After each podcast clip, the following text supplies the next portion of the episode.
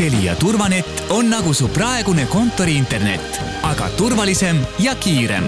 proovi turvanetti kolm kuud soodushinnaga. Telia.ee kaldkriips turvanett. kuku raadios välja öeldud seisukohad ei pea ühtima Kuku raadio seisukohtadega. Te kuulate Kuku raadiot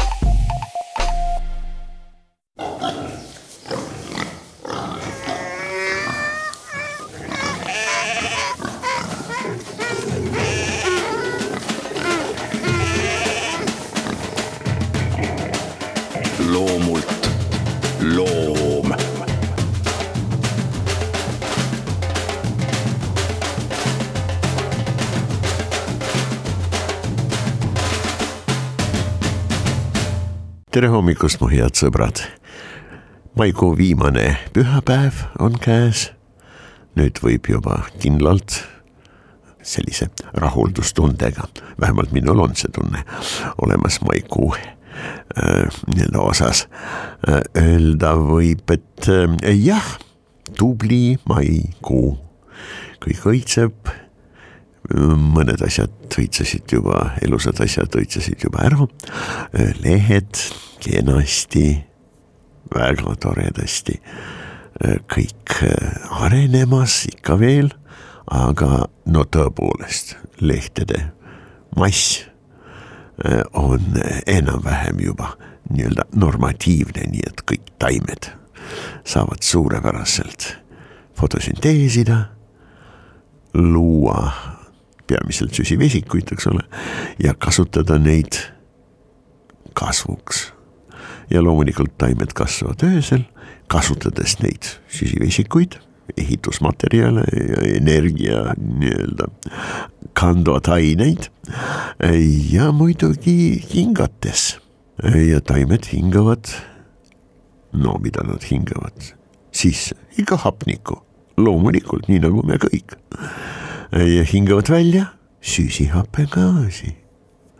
nii et vot see suur argument, et me lõikame metsa, vana metsa ja kasvatame, lausa istutame ja võib-olla mine tea, kas tohib öelda külvame, aga igal juhul noort metsa paneme kasvama ulatuslikult ja massiliselt.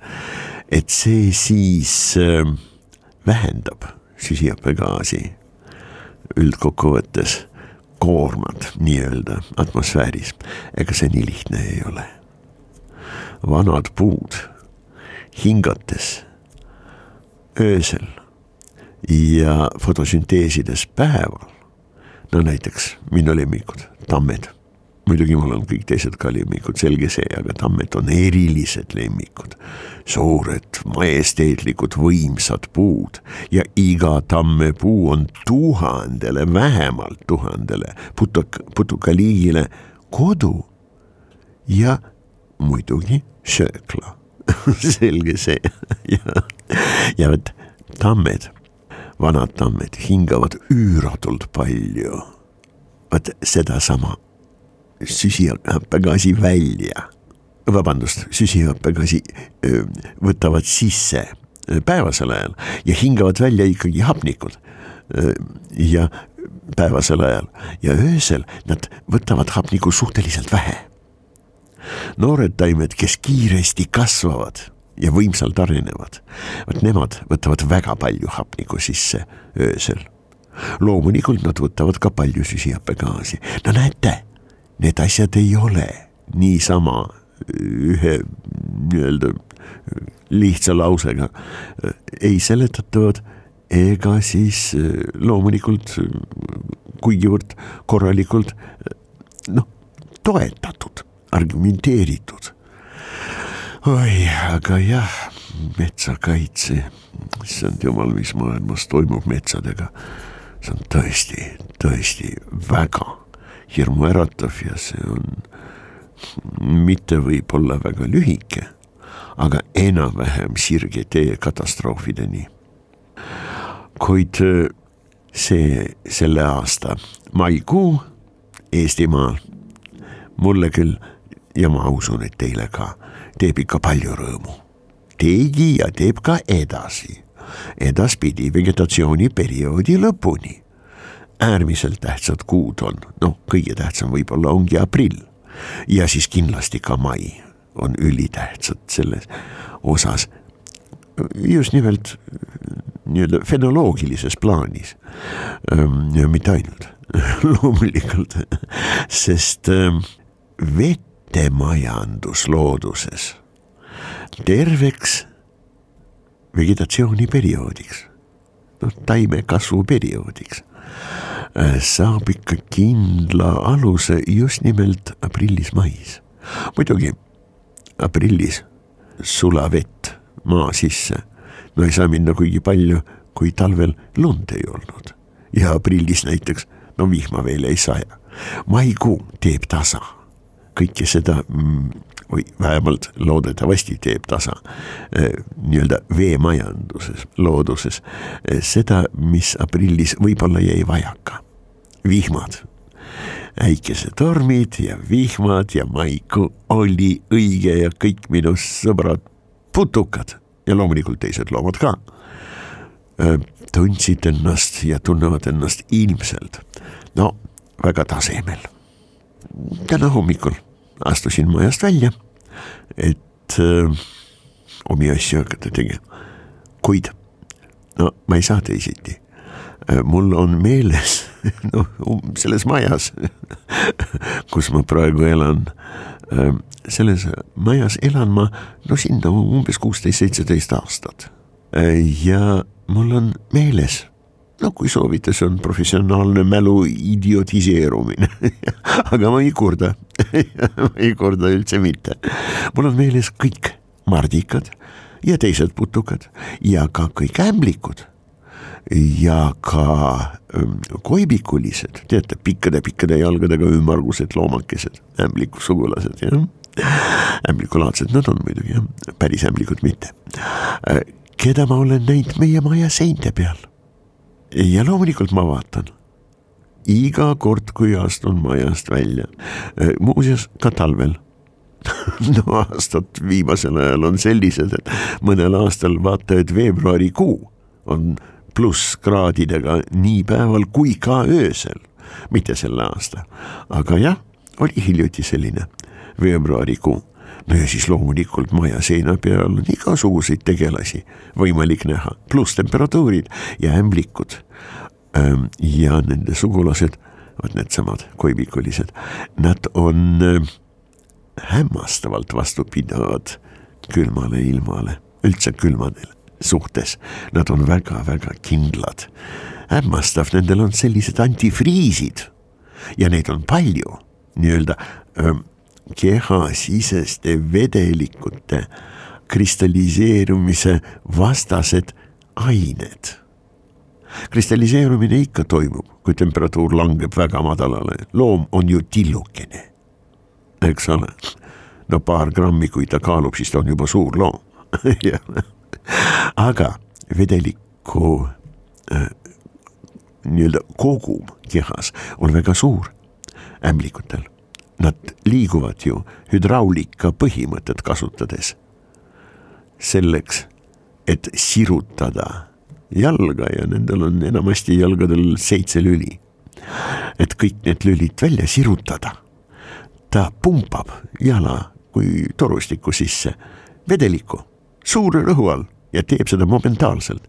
jalg läheb sirgeks, kui on vaja jalga enda manu tõmmata siis ta loomulikult kasutab lihaseid, aga ta alandab siis jalgadest vot seda vedeliku survet. ja me teame, hüdraulika no liigutab mägesid, eks ole. muuseas äh, selle asjaoluga, et tal on selline äh, ja hüdraulilise põhimõttele toetatud, loomulikult lihaste kontraktsioonidele ka toetatud motoorika, liikumisvõime. sellele loomulikult on rajatud ka või sellest, sellest tuleneb ka väga nukker väga nukker ämbliku elus, väga nukker selline noh, moment ja vaatepilt vaatajale. kui ämbliku lülijalgsed nad on, nendel on välistoes. vot kui nende kehakatted äh, on traumeeritud, tekib auk, rõhk langeb paratamatult. kehasiseste vedelikute rõhk paratamatult langeb. ja ämbliku jalad noh, kramplikult tõmbuvad tal kõhu alla. teate, see haiget saanud ämblik, jah, kägaras. aga miks ma üldse sellest kõigest räägin, sest ma vaatan neid oma maja seintel, loomulikult mitte ainult selle, mitte ainult seal. ja ähm, selge see, noh, iga kord, kui astun majast välja, jõuan maale lähemale ja siis ma näen väikesi taimi, mis on noh, hommikuks tublisti kasvanud. see on nii tore, aga jah paraku äh, täna hommikul astusin majast välja ja kes see istub minu maja, suur maja, üheksakorruseline, väga suur maja. nii et seina on ka, välisseina väga-väga palju, suur pindala. nii et lähed mööda, vaatad, hästi värvitud hiljuti, peale suurt kosmeetilist remonti, äh, hele ühtlane hele taust ja näed putukaid selle peal ideaalselt. kes see istub seal, Radius Inquisitor, minu kallis sõber. see on üks sikumardikas, väga elegantse kehaehitusega. tal on äh, rindmik ja pea sellised piklikud ja, ja, ja sihvakad ja tagakeha koos siis tiivade ja katetiivadega. tagakeha on ka selline noh, meenutab natukene tulpi, vaat õie, suurt õiepunga, enne kui see lahti läheb. kujutage ette, eks ole, see on selline nagu teravikuga ülespoole. no vot sellise kujuga tagakeha raagiusel äh, ei ole päris terava tipuga ja see terav tipp on tal suunatud loomulikult tahapoole nii et on kergelt õlakas, aga väga elegantne putukas, suurte mustade ilusate silmadega. no on ju tore muidugi on nii et äh, olen näinud loomulikult sel maikuul juba no vähemalt kaheteistkümnest liigist mesilasi, mesilaslasi, kimalasi, muuseas kimalasi suhteliselt vähe. Saaremaal, Saaremaa kodu ümbruses oli kimalasi, no mitte murdu, kuid päris palju. Ja kahekümne kahe, teise kahekümne kolmanda mai paiku ma nägin ka Tallinna linnas, no loomulikult Kadriorus, meil on suurepärane haljastus ju. No imekaunis, ma öö, vapralt ja, ja, ja kindlalt öö, annan vot sellise otsustusliku nii-öelda häidega äh, hinnangu meie haljastusele, see on suurepärane. meil on tõesti väga hea haljastussektor ja härra Hannes Maripuu, kes on meil aastaid, on loomaaeda kujundamas, just nimelt taimkated, kujundamas minu meelest lihtsalt geniaalselt. nii et loomaaias ma olen näinud kimalaste see oli, mm, see oli Barcorum jah, Boobus Barcorum, äh, tööisendeid. nii et proua asutaja juba arvatavasti aprillis leidis siis kena paika pesa loomiseks ja kasvatas siis esimesed vaat sellised tublid töökad tütred ülesse. Nad on siis töölised. Noh tegelikult nad on steriilsed. Nad on steriilsed emased, astel on olemas ja nad teevad tööd ja seda on võimalik loomaaias näha. juba, juba maikuu, jah, viimase nädala alguseks olid juba nad kõik väljas. aga no aitab võib-olla putukatest äh, selleks korraks, kuigi neid on nii palju ja mitte huvitavaid ei ole olemas et äh, nendest võiks tõepoolest rääkida ja oleks, mida rääkida. tundide viisi, miks mitte, selge see, kuid ma pean tegema väikse pausi. teeme sellise pausi ja siis siis lähme, no vaatame, kelle juurde me lähme. loomult loom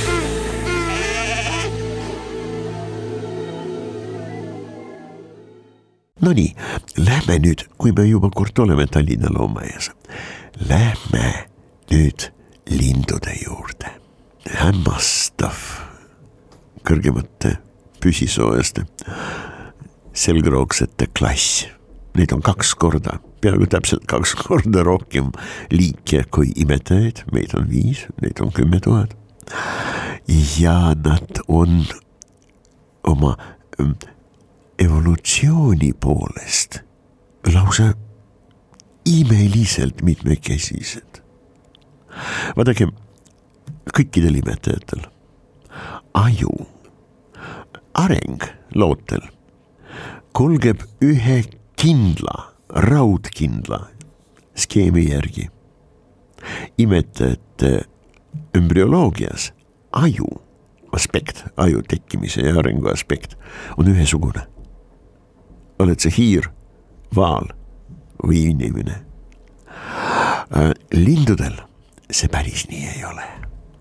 ilmselt lindude klass on tekkinud väga keerulisel ja väga mitmekülgselt mm, sellise äh, omavahel äh, nii-öelda seostes olnud teekonnal ja viisil. Kui me räägime loomade noh, mõtlemisvõimest, kogniitsiost, ütleme nii jah, ja äh, sellega liigi spetsiifilise mõtlemisvõime vormidest ja arengust äh, räägib ja seda uurib kognitiivne etoloogia, täiesti kindel teadusharu. et kui me räägime loomade äh, mõtlemisvõimest ja tahame seda kuidagimoodi seostada loomade kehaehitusega, siis on mõttekas kasutada sellist mõõtu sellist parameetrit nagu ajuindeks. see üldse mitte ei tööta kuivõrd äh, universaalselt, kuid enam-vähem lähedaste loomaliikide noh, võrdluste puhul. Sellest on kasu. no näiteks inimesel on ajuindeks väga suur me oleme rääkinud suhteliselt hiljuti seoses haistmismeele arenguga imetajatel ajuindeksist ja see reegel imetajate klassis äh, on küll, no ütleks raudne, mida suurem ajuindeks, seda nõrgem haistmismeel. mida väiksem ajuindeks, seda võimsam haistmismeel. no ülivõimas äh, haistmismeel on elevantidel, maailma parim. ja ajuindeks, see tähendab ajumassi suhe äh, kõhuõõne siseelunditeta kogu keha kaalule. No kõhuõõnes kõik need maod, soolikad, eks ole, ja võib-olla platsenta, eks ole, ja nii edasi ja rasvikud. Äh, nojah, mitu korda päevas muutub ja tõsiselt muutub nende kogu kaal no sõid korralikku hommikusööki ja palun, sul on vaata, et kilo võrra sisust kogu kaal suurem. Äh, kui sa sööd veel korraliku priske lõuna ja siis alles võtad ette sellise tõesti vägeva õhtusööki. no sorry mis mõõtmised siin nii-öelda somatomeetrilised, eks ole, või mingisugused ja keha, keha mõõtmised on üldse mõtet teha sellisel viisil. mõningaid loomulikult on, no näiteks kuidas maksakaaluga on seoses, kas see on jah, mingisuguses seoses no ütleme kogu sisikonna, kõhuõõne sisikonna kaaluga. maks on ju detoksikatsiooni organ nii et ta tõmbab endasse üüratult palju vett, kui on vaja lagundada mingisuguseid, no mitte kasulikke aineid või liigseid aineid või mürke. nii et maks täiesti normi piires. Võib mahu poolest, aga see tähendab ka kaalu poolest, massi poolest ka, suureneda inimese maks kuni kaksteist ja pool korda. ja siis ikka veel, maks on ikka veel normi piires, loomulikult enesetunne ei ole kõige parem. aga noh, mis me sellest räägime, räägime ju ajuindeksist, muuseas makseindeks on ka väga huvitav näitaja.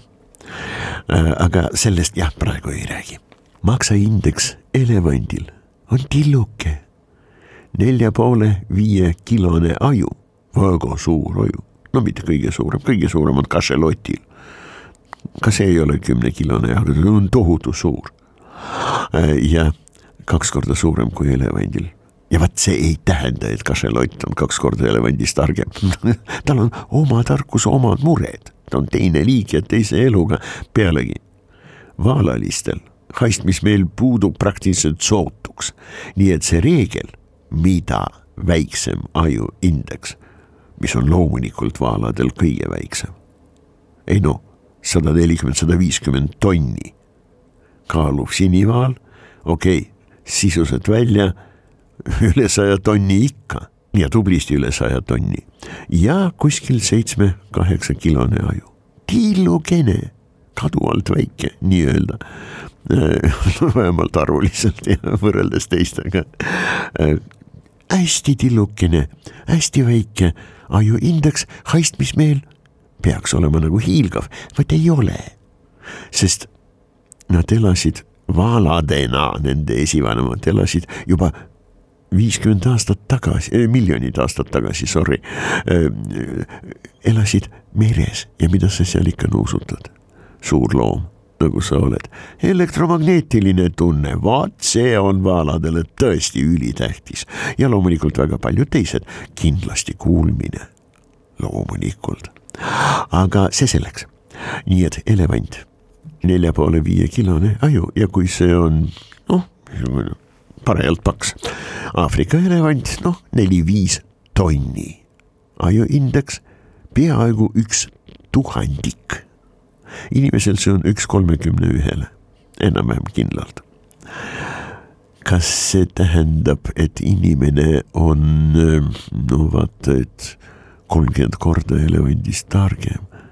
ei ole vaja sedalaadi noh, sensatsioonilist võrdlust taga ajada, see ei ole produktiivne, sellest pole kasu.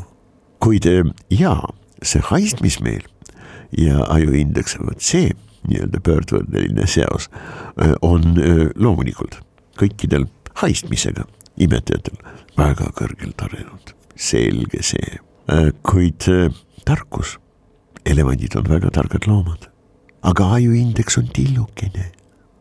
elevandid on tõesti targad loomad, suurepärase mäluga, jällegi, millisel loomal mälu on kõige parem, millisel kõige lühem no vot see väide ja inimesed usuvad seda, et haavi mälu on kõige lühem, kolm kuni viis sekundit. see väide ei oma mitte mingisugust teaduslikku mõtet, mis tähendab kolme sekundi pikkune mälu. mitte midagi see ei tähenda kui sa püüad haugikala landiga kinni. võtad ta konksu otsast, viskad merre tagasi ja viie sekundi pärast ja kohe viskad sama lanti talle nii-öelda nina ette. viis sekundit peale seda küllaltki traumeerivat kogemust, ta võtab taas sama lanti. et inimesed siis kohe ütlevad, vaata kui lühike mälu. see olukord, vot see lugu see nähtus ei ütle Haugi mälu kohta praktiliselt mitte midagi. Äh, mida see tõepoolest ütleb Havi kohta, vaat seesama jah, sündmus, viis sekundit ja ta on toibunud. Ja ta jälle kütib. no kui kõht on tühi, hästi söönud kõhuga, haug. Ei võta sinu lanti või kui võtab ja tal sa lased ta jälle sinna vette. no okei okay,, viska seda loobi, seda lanti nii palju, kui sa tahad. ta on tegelikult hästi söönud ja lanti ta võttis lihtsalt reflektoorselt. ta ei pruugi seda uuesti teha. Läheb kuskile põhjamutta puhkama, kuid parajalt motiveeritud, tühja kõhuga ablalt võttis sinu lanti, eks ole, sinu konksu äh,. haug, kolm neli-viis sekundit ja ta on toibunud ja ta on varitseja kiskja. ja no andke andeks, lant on tehtud selleks, et see meenutaks või aktiveeriks kala isu, see on kalakujuline ja haug, isegi kui ta oskaks lugeda seal vees, muidugi ei saa seal lugeda, oi, made in China, aa vaat selline lont, ei ma ootan, millal mulle visatakse ette, ette Rootsis tehtud lanti, no andke andeks. Haidega haugiga on tehtud ja juba kolmekümnendatel aastatel. Tähendab peaaegu sada aastat tagasi juba, tehtud väga põhjalikud, Beutendijk tegi neid katseid oli selline teadlane.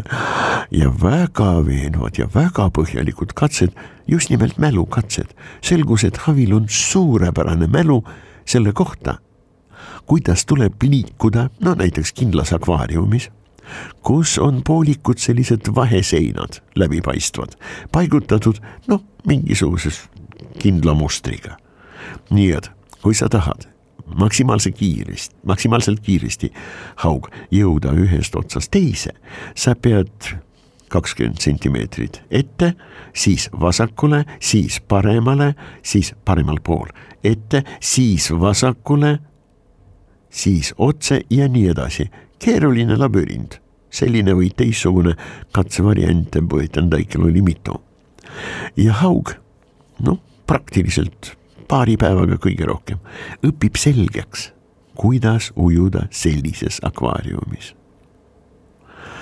no hoia teda seal näljasena nädal aega, siis võta need vaheseinad välja ja viska selle akvaariumi, pikliku akvaariumi teise otsa, havist kaugemasse mm, otsa, viska mõni kalakene meie haug läheb momentaalselt sinna jälgides täpselt õpitud labürinti rada, ta ei hakka riskeerima nina vastusena läbi paistvat nähtamatut vaheseina löömist.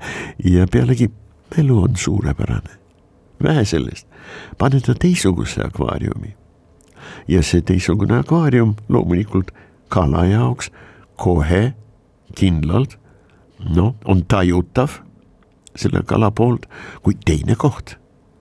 seal ta jälle proovib otserünnakud ja edukalt.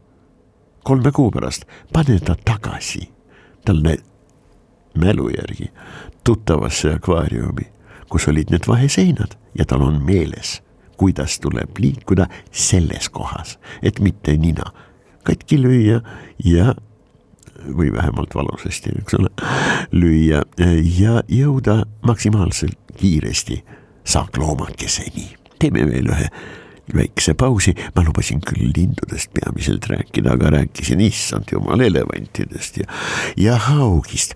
aga jah, tegelikult jutt oli ju ajust, mõtlemisvõimest ja mälust. ja vot nüüd lähme lindude juurde, aga peale väikest pausi. Loomult. Loom.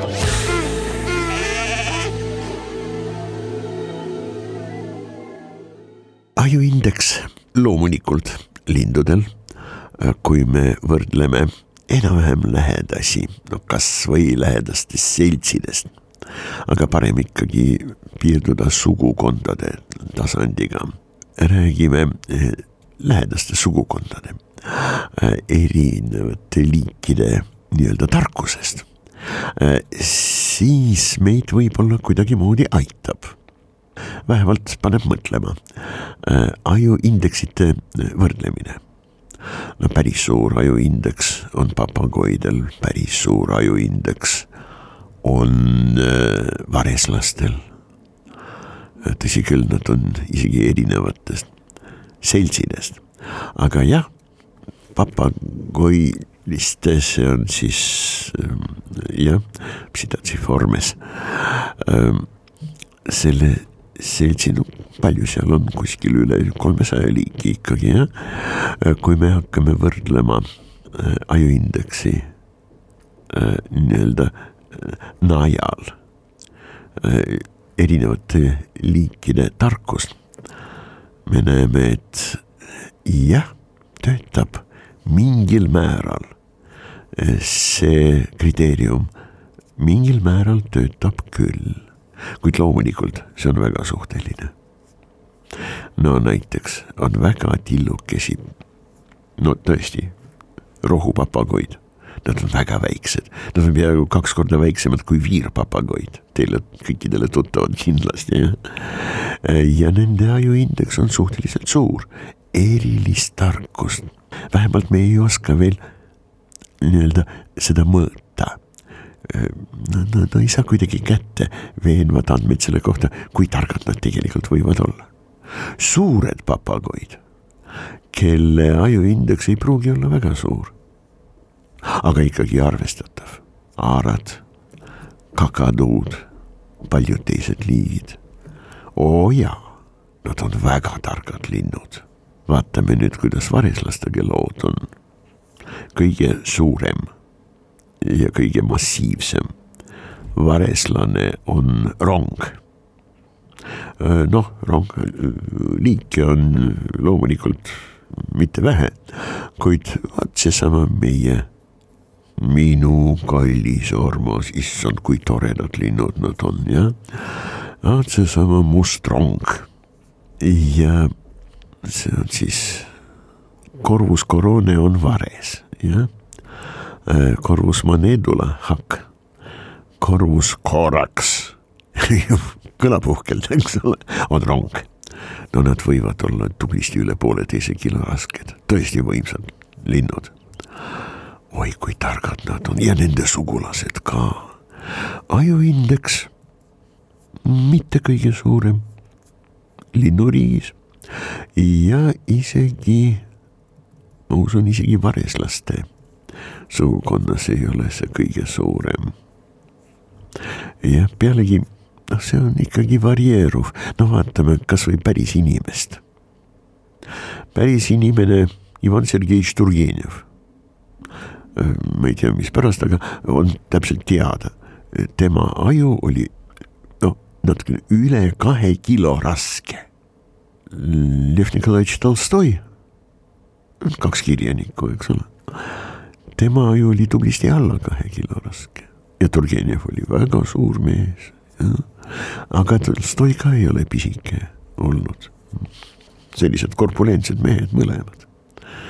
no ja kes on parem kirjanik, ei hakka praegu sedalaadi spekuleerima kuid võtame asja ikkagi minu ettepanek skeptiliselt, natukene veidikese soolaga kõik need väited tarkuse kohta, eriti tarkuse kohta. sõbrad, nii raske on neid asju defineerida. no tegelikult, no mõelgem, kui me mõtleme, et me just parajasti mõtleme, millega me siis tegelikult tegeleme, kas me mõtleme või me tajume? või me lihtsalt empaatiliselt kuidagimoodi ah, teeme oma egole pai igal juhul jätame need asjad sinnapaika, lähme lindudega edasi. rong on no tõesti pika, pika elueaga lind. minu sõber Jaška, me olime sõbrad. no peaaegu kolmkümmend viis aastat ja ta on väga heas vormis mitte mingisuguseid vanemisi tunnuseid, vähemalt välistunnuseid ei ole. mälu on ilmselt tal suurepärane, mitte mingit Alžeimeri hõngu. ja ta on nüüd, ta on aastaid elanud, no seal Kanada seltsis enam-vähem jah, seal vot selle suure troopika maja ja vana karude rea vahel. vot seal, kus olid meie neid on kaks, veelindude vanad tiigid. no praegu seal on lihtsalt no ise tekkinud kohalik magevee tiigi floora ja fauna. me tegime neid korda, sinna saab anda külma vett, saab anda sooja vett ja me oleme pidanud seal väga ilusad. Nad on loomulikult aretatud. Koi karpkalad, väga ilusad. praegu seal on siis ainult nii-öelda Eesti looduslik spontaanselt iseenesest tekkinud noh, ökosüsteem. ja vot sellest edasi karu, vanakarude rea või ütleme praeguse siis äh, Amuri leopardi selle kompleksi äh, juurde. Poole teel, seal on niisugune väike tasku nagu jah, selline ilus rada. see ei ole enam puidust, see on nüüd korda tehtud, see on avatud, võite vabalt kasutada, väga ilus rada. Ja seal siis meil aastaid elasid ähm, kanad, igasugused kodukana, erinevad huvitavad vormid noh, tumerohelised metallsäraga Sumatrad minu lemmikud, siis loomulikult fööniksid, singjas must, valgega punane harikukkel ja kuni kolmemeetrised mõned roosuled sabas muuseas, ma ei ole kindel, et nad on roosuled, võib-olla on katesuled sellised, aga see selgeks. ja seal elasid mõned nii-öelda tagavara, peamiselt tagavaraisased faasanid, looduslikud liigid, Riivsi ehk kuningfaasan, elas seal ka läikkuningfaasan. see on siis Monal, väga ilusad kuked ja seal elas Jaška. ja me suhtlesime temaga, rääkisime juttu ja siis ma pakkusin talle head ja paremat ja vastavalt sellele, kas mul oli näiteks mingisugune maitsev ja tore toit raasukestena, vot selline hunnik, eks ole, peopesal või mul oli üks suur tükk, mida oli vaja siis või mida, nagu Jaška teadis, ma hakkan tükeldama, ei anna talle tervet tüki korraga. vot vastavalt sellele ta, kui see oli üks tükk ja ta sai kohe aru, mul aega küll, ma hakkan tükeldama ja talle ükshaaval raasukesi pakkuma. siis ta võttis need raasukesed, mõnda sõi, mõnda pani peldiku oh,, vabandust, peidikusse Nad on erinevad kohad rongal loomulikult. nii et kui see tore lind, ah kui tore ta on, aga nägi, et mul on väikeste raasukeste hunnik peopesal, siis ta sai aru, ilmselt. Mul ei ole palju aega, ma ei kavatse kauaks ajaks tema juurde jääda, mul on kõik juba ette valmistatud. ja ta oli ka selleks valmis. võttis ühe raasukese, pani ühe varba alla, kohe valmis vastu võtma järgmist raasukest, murdosa sekundist. Ja nii ta pani need raasukesed kõikide varvaste alla, võttis ka noka vahele ritta mitu raasukest ja siis korraga tegi väga imelise, erilise liigutuse tiivadega ja siis ka peaga, lahtise nokaga, nii et kõik see varu, mida ta momentaalselt siinsamas minuga suheldes lõi, lendas pimedasse nurka. ja siis ta oli jälle valmis, ülejäänud, noh, hea kraam vastu võtma. Ta äh, vähemalt mõnel viimasel aastal me oleme seda tähele pannud, et ta oma peidikud paigutab erinevatesse paikadesse igaks juhuks, asju juhtub, soovijaid on palju maailmas. ja varahommikul ta kutsus kohale täiesti kindla häälega, kindla sõnumiga. see on mängule, suhtlemisele ja mängule kutsung ronkadel. Karklak, umbes nii see kõlab, karklak, tulge siia, mängime, suhtleme. selle peale lendasid paar mm, täiesti vabalt elavat noort ronka ja Jaška toitis neid. mul tulid kohe meelde laua ja külastajad kes vaatamata sellele, et igal pool on teabe, loomi palume mitte toita, seda ei tohi teha, ikka üritavad toita. mõnus on tunda ennast toidu jagaja, toidu kor-, toitumise, söömise korraldajana.